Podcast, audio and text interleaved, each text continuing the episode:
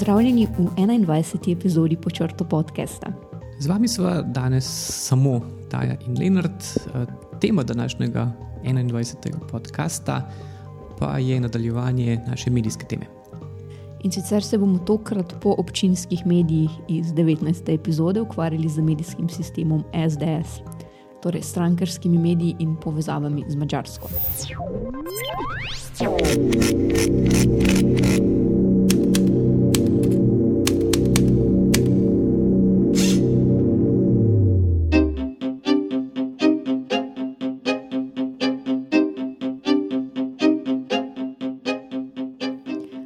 Preiskavo o medijskem sistemu stranke SDS smo na počrtu objavili že lani v večjih nadaljevanjih. Prejšnji teden pa so mediji poročali, da nacionalni preiskovalni urad, se pravi policija, preiskuje financiranje nekaterih medijev blizu SDS. Ta tema je najverjetneje postala tako ekstra aktualna tudi zaradi eh, dogajanja v državi in sicer po odstopu premijeja. Marina Šarca so se zdaj začele pač politične spekulacije o tem, ali bojo stranke sestavile novo vlado ali bojo šle na predčasne volitve. In med verjetnimi scenariji je tudi to, da bi pač predsednik največje stranke, ki je trenutno v opoziciji, SDS Janis Janša, sestavil to novo vlado. Zdaj, če se vrnemo na področje medijev, na počrtu smo v okviru preiskave o medijskem lastništvu v Sloveniji lani obširno preiskali medijski sistem SDS in sicer smo se ukvarjali z zgodovino njegovega nastanka, pa s strankarskimi prevzemi desnih medijev. Pa s finančnimi nepravilnostmi in slamnimi lastniki, pa neplačenimi dolgovi in na vse zadnje vstopu mađarskih medijskih lastnikov, ki so prišli v ta medijski sistem. Mačari so ta trenutek torej večinski lastnik tega medijskega sistema. Ampak zdaj, če pogledamo najprej na začetku, Leonard, ko govorimo o medijskem sistemu SDS, kaj mislimo s tem, oziroma kateri mediji so vanj vključeni? Ja, s tem najožje mislimo medije, ki jih izdajajo tri izdajatelji in sicer podjetja Nova Hiša, Nova Obzorja in NTV24. Se pravi, to so politični tednik Demokracija, pa televizijski in spletni mediji Nova 24 TV in pa še več spletnih medijev in radio in podobno. In vsi ti mediji imajo trenutno, kot si že rekla, mačarske lastnike. Samo jedro medijskega sistema SDS je že skoraj 30 let, kar pomeni skoraj od osamosvojitve Slovenije, politični tednik Demokracija, kjer je stranka soustanovitelj, pa tudi solastnik časopisa. Zato, ker revijo Demokracija izdaja založniška hiša Nova obzorja, v kateri ima stranka SDS nekaj več kot tretjinski, oziroma ima več kot 30 odstotni lastniški delež. Založba Nova obzorja pa ob tedniku Demokracija izdaja še spletni tabloid Kandal 24, ki je imel tudi tiskano izdajo, ampak je pol ugasnil in ima svoj lastni knjižni program. Tako da v primeru demokracije gre za neposredno medijsko lastništvo stranke SDS. V medijski sistem SDS pa spadajo tudi mediji, kjer stranka nima neposrednega lastništva, vendar so mediji oziroma izdajatelji medijev z njo neposredno povezani. Zdaj, tukaj v bistvu skočimo leto 2015, ko je ustanovitev televizije in pa spletnega medija Nova 24 TV napovedal predsednik stranke Janes Janša, malo potem, ko so ga izpustili iz zapora zaradi primera Patrija. Njegova napoved se je potem uresničila že čez nekaj mesecev, ko so dejansko ustanovili novo televizijo, radio in pa spletni mediji. Jeseni 2015 je bilo na to mogoče na poštah po vsej Sloveniji kupiti delnice nove televizijske družbe Nova 24 TV in nakupna cena za delnico je bila 100 evrov na delnico. V javni ponudbi pa so izdajatelji zbrali skoraj milijon evrov kapitala. No, ampak po besedah naših sogovornikov so izdajatelji nove televizije čist podcenili dejanske stroške izdajanja in kadrov in vsega za televizijski medij, zato pač ta milijon ni bilo dovolj in so začeli iskati nove vlagatelje doma in v tujini. In v naslednjih dveh letih so novo televizijo prevzela mačarska medijska podjetja, blizu mačarskega premijeja Viktorja Orbana in njegove stranke Fides. Zdaj, Nova 24 TV je tako postala del mačarskega medijskega sistema, za katerega smo pa v dveh eh, ločenih prispevkih ugotovili, da je za njega značilna taka izrazita protimigranska, protiliberalna in tudi proti EU uredniška usmeritev, napadanje opozicije in pa popolna lojalnost vladajoči stranki Fides.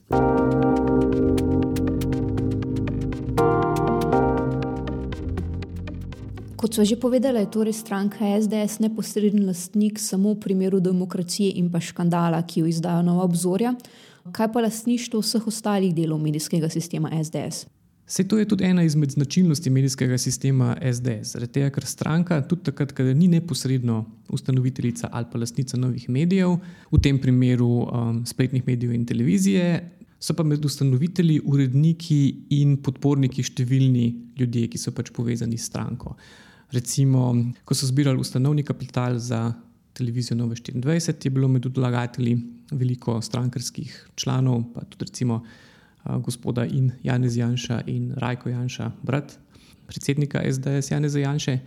Potem, ko so začeli jesen z javno prodajo delnic, so po naših informacijah zelo spodbujali člani stranke naj kupijo nove delnice in podprejo ustanovitev novega medija in omogočijo izdajanje. Zdaj, recimo, direktor nove televizije pa je postal Boris Tomašič, ki je pa bil nekdani sekretar poslanske skupine SDS in član SDS. Če postavimo sedaj to preiskavo o medijskem sistemu SDS v širši kontekst, uh, se pri počrtu že več kot leto ukvarjamo s preiskovanjem medijskega lasništva v Sloveniji. Zdaj, kot rečeno, problematiko občinskih medijev smo predstavili v 19. epizodi počrtu podcasta. Če na kratko pozameš za tiste, ki niso poslušali, kaj je bila naša glavna ugotovitev Ja, med preiskavo občinskih medijev smo pokazali, da župani občinske medije izkoriščajo za promocijo svojih dosežkov in jih uporabljajo za nagovarjanje voljivcev pred lokalnimi volitvami, vse to pa počnejo z javnim denarjem. Zdaj, eh, občanki in občanov pa pred samovoljo županov ne varuje nobena varovalka, kar je recimo bil nekako ključen problem eh, financiranja občinskih medijev. Ukvarjali pa smo se tudi z vprašanjem lastništva mladine. Kjer smo problematizirali neznano ali skrito lastništvo v političnem tedniku, kar pa prav tako lahko bolj podrobno preberete na članku na naši spletni strani. Zdaj, če se vrnemo nazaj k medijskemu sistemu SDS, v naši preiskavi smo ugotovili, da ob omenjenih medijih, se pravi ob demokraciji Novi 24 TV, nastaja še ena prikrita medijska mreža, ki jo sestavlja 17 lokalnih medijev, ki so prav tako povezani s stranko SDS. Na kakšen način? Ja, videli smo, da se je v medijskem razvidu, ki ga vodijo na Ministrstvu za kulturo, začel pojavljati vse več enih takih lokalnih, manjših medijev, ki imajo tako tudi imena povezana z lokalnimi, ne vem, recimo Maribor, Primorska in podobno. Katerih lastniki so večinoma taki manjša podjetja ali pa mali samostojni podjetniki, ki so upisani kot izdajatelji, pa tudi uredniki teh medijev.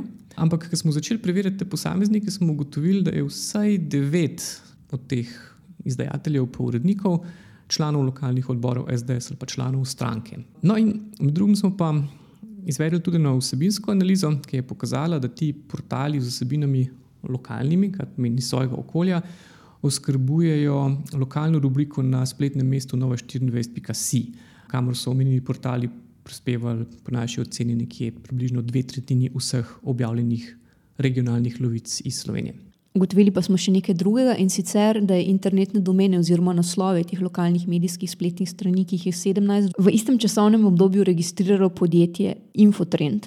O tem smo vprašali predstavnike Infotrenda in uh, najprej so se delali, kot da s tem nimajo nič, potem smo jim pa poslali podatke iz uh, javnih registrov spletnih, kjer so pač oni navedeni kot registrar vseh teh omenjenih domen, ampak potem se pa z nami niso več pogovarjali, češ da nimajo časa in imajo preveč drugega dela. Ob tem smo po zakonu za dostop do informacij javnega značaja zaprosili tudi za dokumentacijo, ki je potrebna za upis v medijski registr, iz katere smo ugotovili, da so imeli številni izdajatelji teh uh, spletnih medijev identične dopise, ki so jih predložili ministrstvu. Torej, za programsko zasnovo, pa statut, pa te tehnikalije, ki jih pač potrebuješ za upis medijev v registr. Torej, ne samo, da so te dopisi vsebovali enako besedilo, pisavo, ampak celo uh, enako pravopisno napako, ki se pojavlja v dopisih. Tako, kar zelo, zelo težko pripišemo na ključu. Ko smo se na, obrnili na urednike in pa izdajatelje teh medijev, so ti sicer zanikali, da so njihovi mediji povezani ali del kakršne koli mreže. Tako, pri čemer so se prvič oglasili na naš klic, potem pa ne več. Ob povezavah, ki smo jih zdaj že omenili, torej. Lastniške povezave, pa povezave v ljudeh, ki so imenovani na ustanovitvena in uredniška mesta. Kadrovske povezave. Tako ali pa kdo je registriral domene za te spletne medije. Vse te omenjene medije, torej demokracijo, televizijo in pa spletna mesta Nove 24 TV in pa tudi lokalne spletne medije povezuje tudi sorodna uredniška usmeritev. Kakšne, Lenart? Mediji, ki smo jih uvrstili v ta medijski sistem SDS, vsi nekritično podpirajo stranko SDS in njene člane in njenega predsednika, napadajo njihove politične nasprotnike in novinarje, in pa zagovarjajo nekatere strankarske politične pa ideološke usmeritve, recimo nasprotovanje imigrantom, pa širjenju strahu pred islamom, pa tudi posivanje k obrambi bele in krščanske Evrope. Pri tem pa si pogosto pomagajo tudi s takimi zelo spornimi novinarskimi praksami, recimo uporabo psevdonimov, pa izmišljenih neobstoječih avtorjev, objavo nepreverjenih informacij in resnic, pa tudi takim zelo očitnim širjenjem sovražnega govora. S sami strankarskimi medijskimi projekti pa so bile večkrat povezane tudi finančne nepravilnosti, zaradi tega, ker smo ugotovili, da so za temi potopljenimi medijskimi projekti ostali nepoplačeni milijonski dolgovi.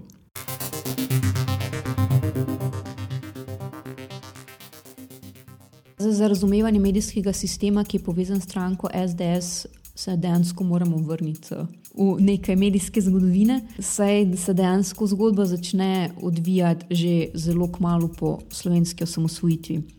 Ja, tukaj bi lahko dodala na moje veliko veselje, zaradi tega, ker se pač z medijsko zgodovino, pa res že zgodovinsko dolgo ukvarjam. In to je za razumevanje tega medijskega sistema SDS, je potrebno poznati obdobje takoj po osamosvojitvi, ker se zgodi en tak razkol, kjer je ostal del politične desnice, pa ne bojo to politiki ali pa intelektualci, še danes prepričan, da medije v Sloveniji obvladujejo pod narekovajem sile kontinuitete. In to so politiki, poslovneži in uredniki, ki so svoje položaje in vpliv obdržali še iz prejšnjega režima.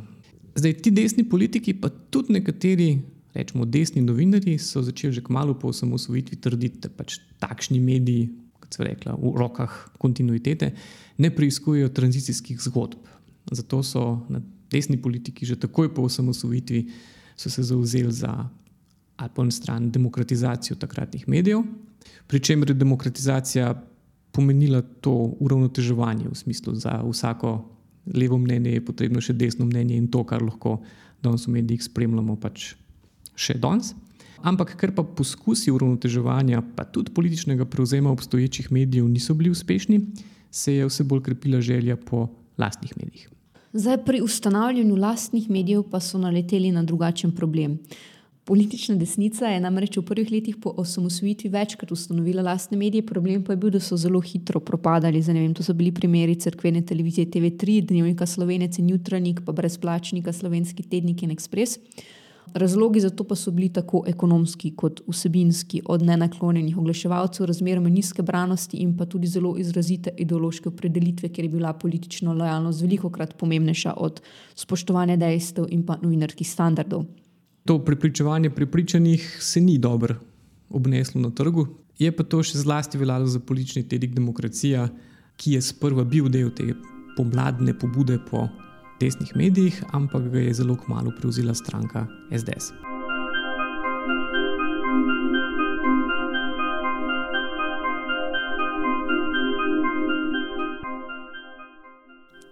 Torej, kakšen je začetek demokracije?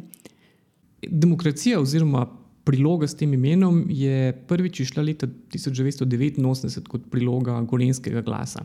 In uh, sprva, kljub deklarirano desni usmeritvi, ni veljala za glasilo ene politične stranke, ampak recimo več pomladnih strank.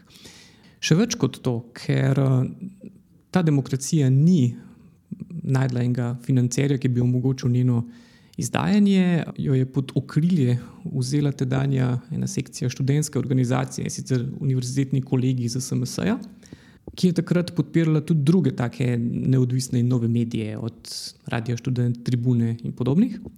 No, in po besedah naših sogovornikov, ki so bili takrat zraven, so pač rekli, da je bila uredniško zelo neodvisna, mislim, tako, in da takrat res ni bila strankarski medij vendar pa je od univerzitetnega kolegija zelo kmalo prevzameš založniška hiša Magellan, pri kateri sta takrat sodelovala tudi vidna politika Igor Bavčar in Janez Janša.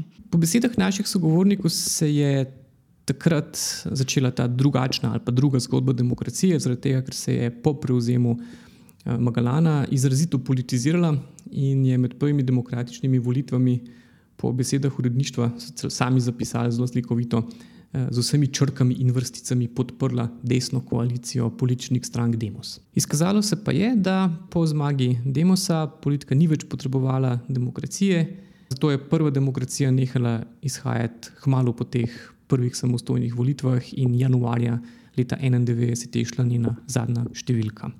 Po izidu, ki takrat tudi ni bilo kakšnega epiloga, niso nič pojasnili, zakaj se je to zgodilo, je v medijih še nekaj časa krožila tudi zgodbe, da je bila demokracija upletena v domnevne nepravilnosti pri financiranju kampanje Denosa.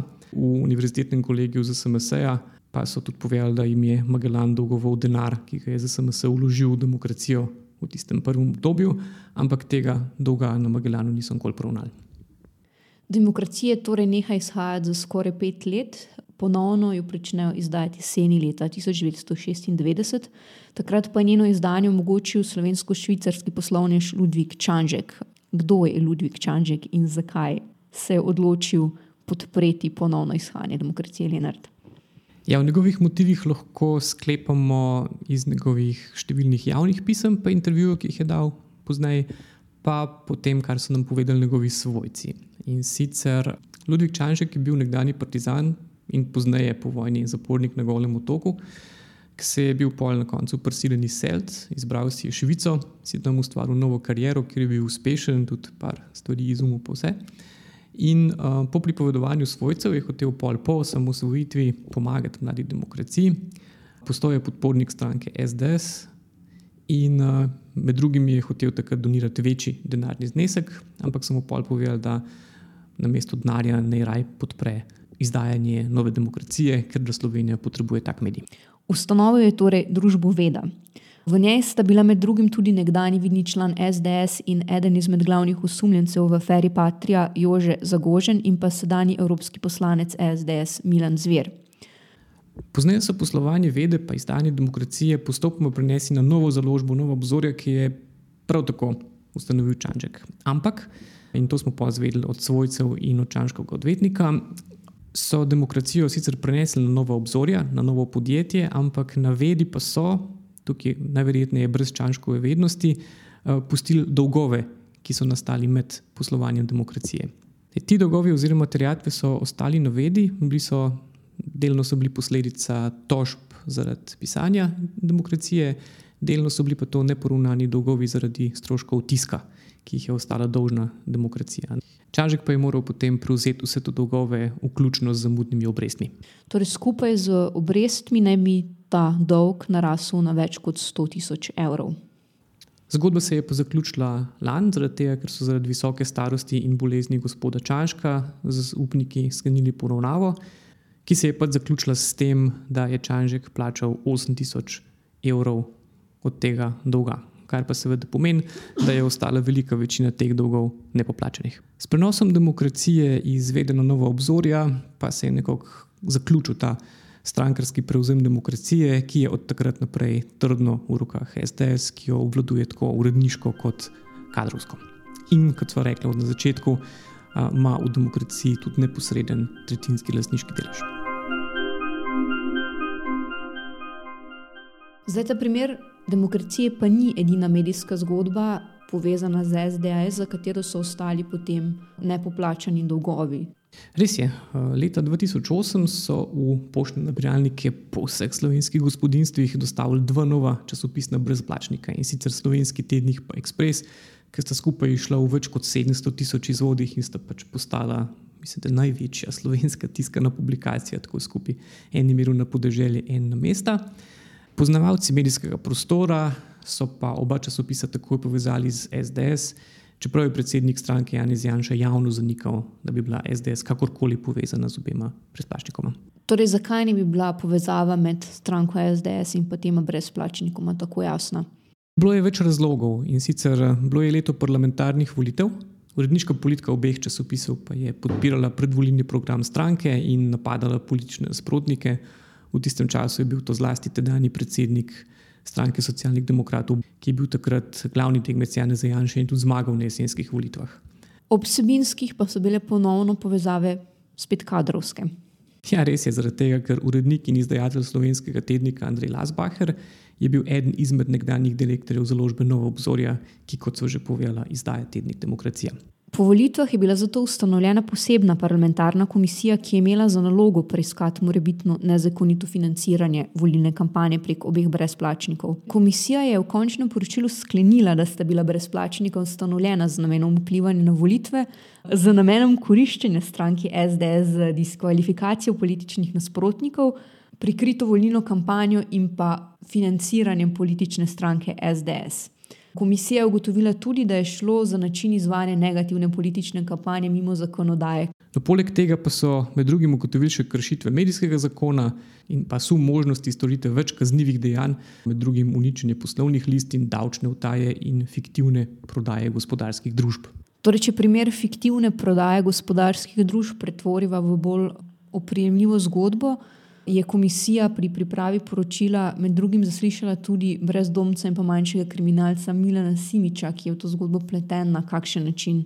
Ja, upleten je pa tako, da je po pričanju gospoda Simiča, da so ga v enem parku nagovoril neznanec, ga je vprašal, če hoče zaslužiti 500 evrov. Vse, kar je mogel narediti, je, da se je lepo oblekel, se oglasil v notarski pisarni, podpisal par papirjev in pobral 500 evrov in šel svojo pot. No, izkazalo se pa je, da je v tisti pisarni za dobrih 57 tisoč evrov kupil podjetje, ki je izdajalo slovenski tednik, skupaj z vsemi dolgovi, ki jih je bilo takrat po cenah za 1,4 milijona evrov.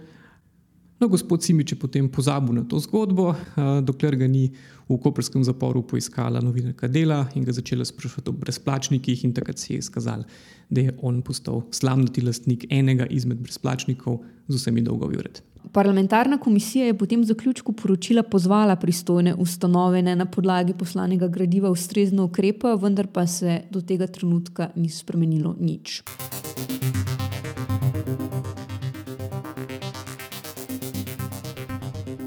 Za razumevanje sedanje situacije, pa tudi zgodbe povezane z, ali pa zgodb povezanih z mediji, ki sodijo v interesno, pa vplivno sfero stranke SDS, pa je pomembno, lahko temu rečemo, eno tako drugo obdobje, ki se začne kmalo po ustanovitvi strankarske televizije Nova 24 TV leta 2015. Torej, novo obdobje v medijskem sistemu SDS se začne takrat, ko začnejo iskati nove vlagatelje in sicer tako doma, kot v tujini. Zdaj, zakaj do tega pride? Po naših informacijah so ob ustanovitvi televizije močno pocenili zahtevnost in pa stroške televizijske produkcije. Namreč od ustanovnih podpornikov so zbrali dobrih 100 tisoč evrov, kar je bilo seveda premalo za delovanje. Zato so že jeseni 2015 začeli z javno prodajo delnic nove televizijske družbe. S prodajo teh delnic eh, so zbrali 922 tisoč evrov. Po naših informacijah so pa bile ambicije veliko večje, zaradi tega, ker so izdali za 3 milijone delnic, kar pomeni, nameravali so zbrati 3 milijone evrov, zbrali so jih pa slab milijon. So pa do poletja 2016 pridobili tri nove tuje vlagatelje, ki so bili pripravljeni dokapitalizirati Novo 24 TV. Ti so ostali neimenovani do zime 2017. Res je, te prvi so bili precej skrivnostni okoli teh vlagateljev. Vodstvo je samo povedalo, da so jih našli, pa da gre za tuje podjetja in da gre za podjetja z medijskim ozadjem. Ampak v poslovnih registrih in KDD-ju se je pa to razkril šele malo pozneje in sicer takrat smo pol ugotovili, da so v medijski sistem SDS, oziroma konkretno v Novo 24 TV, vstopila tri mačarska podjetja in sicer Modern Media Group, Ripost in Ridicule. Potem se je pa lastništvo še malo spremenilo, zato ker sta Modern Media Group in Ripost izstopila iz lastništva Nove 24 in sta svoje deleže prepustila ali pa prodala, tega ne vemo, mačarskima podjetjema Okeanis in Hespereja, ki sta danes lastnika teh delnic. Ob televiziji pa so mačarski medijski poslovneži prevzeli tudi nova obzorja. Res je, večinski delež v temu založniku, ki izdaja tudi demokracijo, je kupilo podjetje R-Post, ki ga pa je ustanovil mačarski državljan Petr Šac. Ta gospod je postal tudi član nadzornega sveta Nove 24 TV. Sočasno z njim pa je v medijski sistem SDS vstopila še ena mačarska državljanka in sicer Agnes Adamik, ki je prav tako postala članica nadzornega sveta Nove 24 TV. Adamik pa ni samo nadzornica, ampak je hkrati tudi solastnica Nove TV, zato ker je direktorica in ustanoviteljica mačarskega podjetja Hespereja. Skupaj so torej mačarska podjetja v medijski sistem SDS vložila vsaj 2 milijona evrov. Primerjalno, za kakšen vložek v medije gre? Ja, po naših ocenah gre za relativno velik vložek, glede na razmere na slovenskem medijskem trgu. Če vzamemo samo eno primer, par primerjalnih številk, to je recimo dvakrat več, kot je znašala kupnina za časopis Večer, ki je bil prodan za približno milijon evrov ali pa recimo za približno milijon evrov je bila tudi uh, na zadnje uradno prevzeta mladina, kot smo napisali v članku, ki je bila tudi takrat vredna okoli milijon evrov, medtem ko zdaj se pa saj za mladino vrtijo precej niže številke, recimo pol tega zneska, ali pa ne vem, damo še eno vrednost, recimo največji slovenski časopis Delo je bil kupljen za dobrih 7 milijonov evrov kar pomeni, da je 2 milijona ali več vsekakor denar, s katerim lahko na slovenskem medijskem trgu trenutno kupiš kar precej medijskega vpliva. O mačarskih poslovnežih Petru Šacu in Agnes Adamik je znano precej malo. Kaj smo med preiskavo izvedeli, kdo sta? Po prvotnih informacijah ali pa po tem, kar je mogoče bilo najti na spletu, sta bila nekoč sodelavca mačarske javne televizije. Tam sta imela nekih vlog, tudi v obdobju, ko je mačarsko javno televizijo že obvladovala politična stranka Fides in predsednik vlade Orban. Ampak, ko smo se pa pogovarjali z mačarskimi sogovorniki, ki so pa malo več vedeli o obeh posameznikih, so jo pa opisali kot pač manjša medijska operativca, ki uh, teh podjetij nista kupila s svojim denarjem, zaradi tega, ker s tem denarjem vsaj po recimo, dostopnih podatkih ne razpolagata. So pa potrdili, da so ta okrog eh, medijskih lastnikov, ki so blizu mačarski vladajoči stranki Fides in eh, Orbanu. Tukaj je pa še ena tako zanimiva sočasnost in sicer eh, od naših makedonskih novinarskih kolegov smo pozvedeli, da sta Šac in Adamik v istem obdobju, ko sta vstopila v medijski sistem SDS v Sloveniji, vstopila tudi v več makedonskih medijev. To so bili manjši mediji, ki so bili naklonjeni tedajnemu nacionalističnemu predsedniku vlade Nikoli Grujevskemu. Ta sicer velja za Orbanovega političnega zaveznika, Orban mu je tudi ponudil zatočišče, ko je po porazu na volitvah pobegnil pred sodnim pregonom na Mačarsko. In podobno kot Grujski, tudi predsednik SDS Janez Janša velja za Orbanovega političnega zaveznika, ker si delita in podoben pogled na medije in podoben pogled na evropsko politiko. Zdaj sam Orban se je med drugim udeležil shoda SDS pred parlamentarnimi volitvami leta 2018 in v govoru javnem, med drugim povedal, da je pač Janez Janša voditelj, kakršnega Slovenija potrebuje in ki državo lahko ubrani pred migranti in islamom, kar so pa tudi sporočila, ki jih Orban vse čas sporoča mađarski javnosti prek svojega medijskega aparata.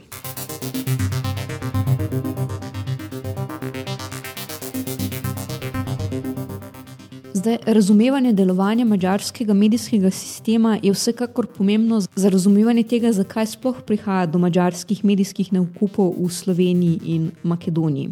Ja, ali pa posledic teh nakupov. Ko si pred 15 leti v okviru mednarodnega projekta o medijskem lastništvu z dr. Sandro Bašič Hrvatin in pa Brangico Petkovič preiskoval medijsko lastništvo v državah Južne, Srednje in Jugovzhodne Evrope, je Mačarska takrat veljala za državo, ki je imela, kar se medijskega lastništva tiče, povsem um, hm. drugačno. Ja, izkušnjo, Izkuš... zgodbo. Tako. Mačarska je takrat veljala za državo, kjer je politika praktično izgubila vse vpliv na medije in se je predstavljal kot primer države, kjer je, kjer je to možno, kaj se je zgodilo potem. To je tako lušna zgodovinska anekdota, zaradi tega, ker na eni konferenci so nas mačarski kolegi kar malo zvišeno gledali, češ vi, ki imate težave s tem, da država še zmeraj obvladuje medije, mi te težave nimamo zaradi tega, ker pri nas se je po padcu železne zavese država popolnoma umaknila z medijev, pustila predvsej medijev propast in jih je popolnoma odprla tujemu kapitalu, zlasti nemškim in švicarskim medijskim družbam. In uh, mačarski kolegi, ki so tudi sodelovali v tej preiskavi, so takrat rekli, ja, mi s politiko nimamo nobenih težav, imamo samo klasične težave, kot vsi drugi zahodni mediji, da pač tuji lastniki gledajo na denar in so naši mediji precej skomercializirani, ampak politika pa nima omembe vredne vloge. Situacija na Mačarskem se začne v bistvu drastično spremenjati leta 2010 po uh, volilni zmagi Fideza in pa Orbana, s katero je pridobil ustavno večino v parlamentu. Kaj se je takrat zgodilo? Je takrat je bilo jasno, da se je Orban učil iz preteklih napak. On je že v enem izmed prejšnjih mandatov poskušal prevzeti medije, ampak mu je malo zmanjkalo časa, pa tudi ni imel dovolj podpore v parlamentu.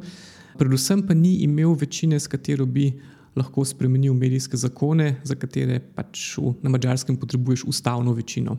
No, po volitvah 2010 je pa to ustavno večino dobu v parlamentu in eden od prvih korakov je bila sprememba medijske zakonodaje. S temi spremembami medijske zakonodaje je pa zelo okrepil nadzor države nad javnimi mediji, kar pomeni javnim radijem, televizijo, tiskovno agencijo. Predvsej je poostril oziroma dal dodatna pooblastila regulatorjem in drugim državnim organom, ki so lahko vplivali na delovanje medijev, kar pomeni, ki so lahko vzeli licence, kaznovali medije zaradi, recimo, po mnenju politike, nepravilnega poročanja in podobno. In v samo nekaj letih je uspel iz tega skoraj zglednega kapitalističnega trga prevzeti, kar se je slikovito izrazil eden od naših mađarskih sogovornikov, pridobiti skoraj enako oblast, kot jo je imela nekoč partija nad mediji. Namreč. Zdaj, po besedah naših mađarskih sogovornikov, Orban trenutno vladuje veliko večino mađarskih medijev, vendar pa je pred tremi leti začel tudi z regionalno medijsko širitvijo. Tukaj se seveda sedaj pojavi vprašanje, zakaj bi Orbanu in Mačarom bilo v interesu začeti medijsko širitev v Slovenijo. Se to je eno tako. Hm, največje vprašanje, eh, naše sogovornike smo vprašali, kakšen je njihov pogled, zakaj bi bilo to v interesu Mačarske in Orbana. Pač on si je podredil medije na Mačarskem, ampak zakaj bi hotel ta vpliv in kapital razširiti tudi na regijo? Zdaj, Dobili smo več njih takih možnih odgovorov. Prvi je denar. Zdaj, na kakšen način denar? Specifika mačarskega medijskega modela je, da država hkrati obvladuje, recimo, temu medijske lastnike in pa državno oglaševanje. Od neposrednega državnega oglaševanja do oglasov državnih in z državo povezanih podjetij. Zato ima država možnost nagrajevati lojalne medijske lastnike z oglasi, kar pomeni, da um, država lahko subvencionira nastajanje provladnih medijev, jim zagotovi državne oglase in lojalni lastniki teh medijev, ki so ponovadi blizu stranke Fides, na koncu dobijo tudi. Predvsej dobre poslovne rezultate, zaradi tega, ker pač država noter daje oglaševanje. No, in po eni razlagi so pričakovali, da bi lahko tak model ponovili tudi v Sloveniji. Zdaj, leta 2017 in 2018 se je zdela ta možnost precej verjetna, zaradi tega, ker če bi stranki SDS uspelo zmagati na volitvah in oblikovati pač vlado, je obstajala precejšnja verjetnost, da bi lahko, to pa vemo, zaradi tega, ker se je isto zgodilo že v njihovem mandatu 2004-2008, lahko usmerili oglase državnih in z državo povezanih podjetij v svoje medije, in če bi se to zgodilo, bi lahko potem tudi mačarski medijski vlagatelji računali na dobre poslovne rezultate in dejansko zaslužili s to investicijo v slovenske medije. To se sicer takrat ni zgodilo, saj SDS kljub zmagi na parlamentarnih volitvah 2018 ni uspelo sestaviti vlade. Kakšna pa je druga razlaga, zakaj? Po drugi razlagi pa naj bi Orbana v regionalno širitev prepričal ameriški konzervativni politični strateg, pa ustanovitelj spletnega medija Breitbart Steve Bannon. On je tudi veljal za enega glavnih strategov volilne kampanje ameriškega predsednika Donalda Trumpa. Ker naši mačarski sogovorniki so nam povedali, da se je Benon večkrat srečal in z Orbanom in njegovim glavnim medijskim svetovalcem Arpanom Habunjem. Ker Benon je bil takrat na nekakšni hm, evropski turnaji, kjer je poskušal več evropskih desnih nacionalističnih voditeljev prepričati, da se povežejo v desno medijsko mrežo, ker je to učinkovito delovalo v Ameriki ker bo na ta način veliko lažje uveljavljal svoje politike tudi v EU in tudi pritiskal konec koncev na EU. Zdaj so sledje eh, dogodkov to hipotezo do neke mere potrjuje, zaradi tega, ker kmalo po tem obisku se je začela mačarska medijska širitev v regiji, o kateri prej nikoli ni bilo govora.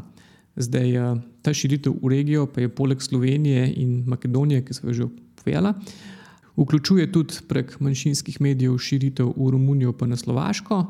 Mediji so poročali tudi o napovedi vstopa na Hrvaško in precej tesnim povezovanjem s Srbijo. Del spostavitve te desne medijske mreže pa je bila tudi ustanovitev Višegrajske tiskovne agencije V4.1, ki jo je decembra leta 2018 ustanovil mađarski veleposlanik v Londonu in ki prav tako velja za propagandno glasilo Viktorja Orbana.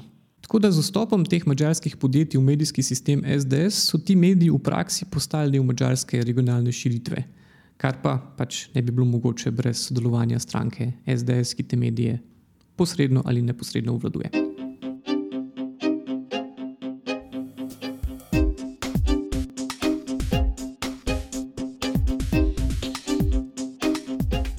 Če torej povzamemo, je medijski sistem SDS nastal s pomočjo slamnatih lastnikov, spornim financiranjem, neuspešnimi poskusi spostavitve ali pa širitve medijskega sistema, za seboj pa je ob propadlih medijskih projektih pustil milijonske dolgove. Kaj natančneje pa pomeni vstop mađarskih lastnikov v takšen medijski sistem? Problemov je več. Zdaj, prvi problem je potencijalna finančna odvisnost največje slovenske stranke in potencijalne vladne stranke od vlade sosedne države. Ker moramo vedeti, da pred vstopom mačarskih teh medijskih podjetnikov v medijski sistem SDS je samo Nova 24 TV ustvarila za več kot milijon evrov izgube. Mačarski medijski podjetniki so potem vložili, dokapitalizirali v te medije najmanj 2 milijona evrov ki pa ga usmerja vlada Viktorja Orbana, kot smo pokazali. In zdaj, po besedah naših sogovornikov, je sedajni medijski sistem pač kritično odvisen od te mačarske podpore, zaradi tega, ker, kar pa so nam tudi povedali mačarski sogovorniki, tako izraziti strankarski mediji. Kar se je tudi v preteklosti že večkrat izkazalo, enostavno ne more preživeti na trgu, razen če ga izdatno subvencionira politika ali pa interesna skupina z državnim oglaševanjem ali pa oglaševanjem državnih in z državo povezanih podjetij.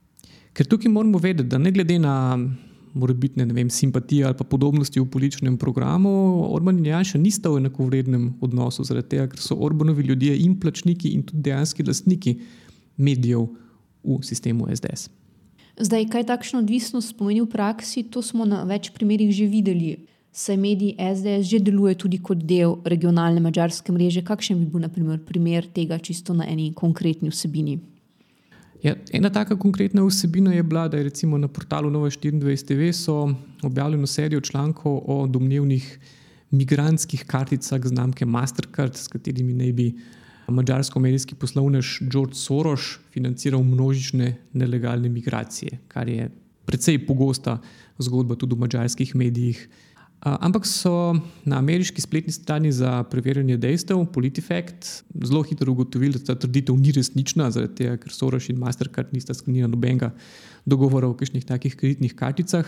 In enako so poročale tudi druge organizacije za preverjanje dejstev, recimo Snopes, Africa Check, pa FactCheck.org, ki so enako zavrnile to zgodbo kot neresnično. Ampak kljub temu so se na članke na Nova 24, med drugim sklicovali tudi na mačarskem, v stranki Fides, se so od Evropske komisije zahtevali pojasnila glede podnarekovajem skrivnega projekta financiranja nelegalnih migracij in morda celo terorizma.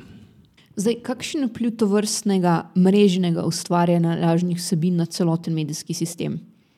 To so v praksi zelo dobro pokazale ameriške volitve, na katerih je zmagal sedajni predsednik Donald Trump in sicer Izkazalo se je, da je na tako neuskrižno sklicevanje na medijske vire, tako ali na druge medije, ali pa na medije celo v drugih državah, da je tako zelo priljubljena taktika, če hočemo širiti dezinformacije, zaradi tega, ker to še otežuje razkrivanje morebitnih dezinformacij. Recimo, če je mogoče določeno novico najti na več mestih ali pa celo v medijih ene druge države, se zdi veliko bolj resnična ali pa verodostojna, sploh če jo delijo in priporočajo še znanci na družabnih omrežjih.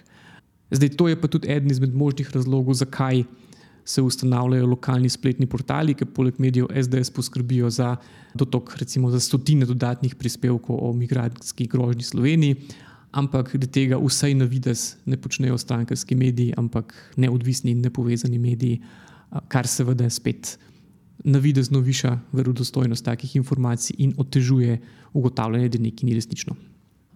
Tako da, če zelo poenostavim, videli smo več primerov, ko so se recimo makedonski mediji sklicevali na poročanje slovenskih medijev, mačarski mediji na poročanje slovenskih medijev.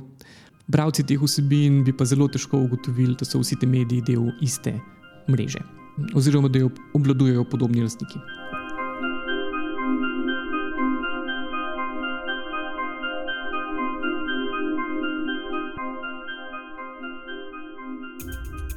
Zdaj, na primeru Mačarske smo pogledali, kako lahko državno oglaševanje vlaga in pa krepi lastne medije, torej jih vzdržuje pri življenju ali pa povečuje njihove prihodke in tudi nagrajuje lojalne lastnike. Recimo. Po drugi strani pa je z nadzorom nad oglaševanjem državnih podjetij mogoče vplivati na umik oglasov in s tem kaznovati kritične medije in jih finančno izčrpavati. Ta nevarnost seveda ni samo hipotetična, mi smo se na počrtu ukvarjali tudi z realno analizo tega primera. Ja, mislim, pokazali smo seveda take primere na mačarskem, ampak niso samo mačarski. Recimo v preiskavi političnega tednika Mladina smo pokazali, da je ta lev politični tednik v letu 2005 skoraj čez noč izgubil vse oglase državnih podjetij, ko je vlado po zmagi na volitvah leta 2004 sestavila SDS. Pač podobno se je zgodilo tudi časopisu Dnevnik, ki je prav tako izgubil oglase državnih in z državo povezanih podjetij. Nasprotno pa se je povečalo oglaševanje teh istih podjetij v nekaterih desnih medijih, tudi v demokraciji, kar kažejo tudi poslovni rezultati. Poleg tega smo pa v prispevku o propagandnih brezplačnikih, slovenski tednik in Express, pokazali, da so izdaje teh propagandnih brezplačnikov financirala prav državna in z državo povezana podjetja, brez katerih seveda ne bi bilo mogoče uresničiti tega propagandnega in dragega projekta. Zdaj, ob vsebinskem problemu in pa problemu nadzora in pa vpliva na oglaševanje državnih podjetij, vemo tudi, kakšen je odnos mačarskih lastnikov do novinarjev in pa novinarskega dela. Torej, kot sva že povedala, sodijo mačarska medijska podjetja, ki so vstopila v medijski sistem SDS v krog stranke Fides in njenega predsednika Viktorja Orbana. In poleg teh reči, ki smo jih že omenili, pač vpliv na državno oglaševanje, spremenjanje medijske zakonodaje, obvladovanje medijev in podobno, ima Orban in njegova stranka zelo specifičen pogled na novinarstvo. Zdaj, po besedah na, naših mađarskih sogovornikov, ta odnos najbolje povzame odgovorni urednik provladnega spletnega medija 888.hu Gabor, Gabor Fodor. Fodor. Uh, kako je ta opisal svoje novinarje? Ja, ta je sebe in svoje novinarje opisal kot, ja, citiram, politične vojščake, ki so pripravljeni s svojimi medijskimi pištolami ponosno streljati brez pomisleka. Kar pomeni, od njih ni mogoče pričakovati, da bodo hm, streljali ali pa opozarjali na korupcijo v Fidesu ali na Orbanove nedoslednosti v politiki, kar pač počnejo nekateri manjši kritični mediji na mačarskem. Za podoben provladni medij, kot je 888.hu, pa velja tudi mačarski tabloid Tripost, ki ga je soustanovil Peter Šac, torej solastnik novih obzorij in pa nadzornik nove 24 TV. Če zaključimo, je zgodovina medijskih poskusov SDS in pa zlorabe strankarskih medijev za politično propagando in pa prikrito financiranje političnih kampanj zelo dobro dokumentirana. Prav tako so dokumentirane finančne nepravilnosti in pa netransparentna poraba denarja državnih podjetij. Že samo na počrtu smo objavili o mačarskem medijskem modelu in o strankarskih medijih SDS, koliko šest člankov, kjer smo res izčrpno vse te stvari popisali in povzeli. Ampak kljub temu pa država, pač podobno kot smo ugotavljali pri zlorabi občinskih medijev, do tega trenutka ni uvedla nikakršne varovalke, s katero bi preprečila zlorabo takih medijev za financiranje in vodenje volične kampanje ali pa recimo za napade na politične nasprotnike in načrtno širjenje dezinformacij.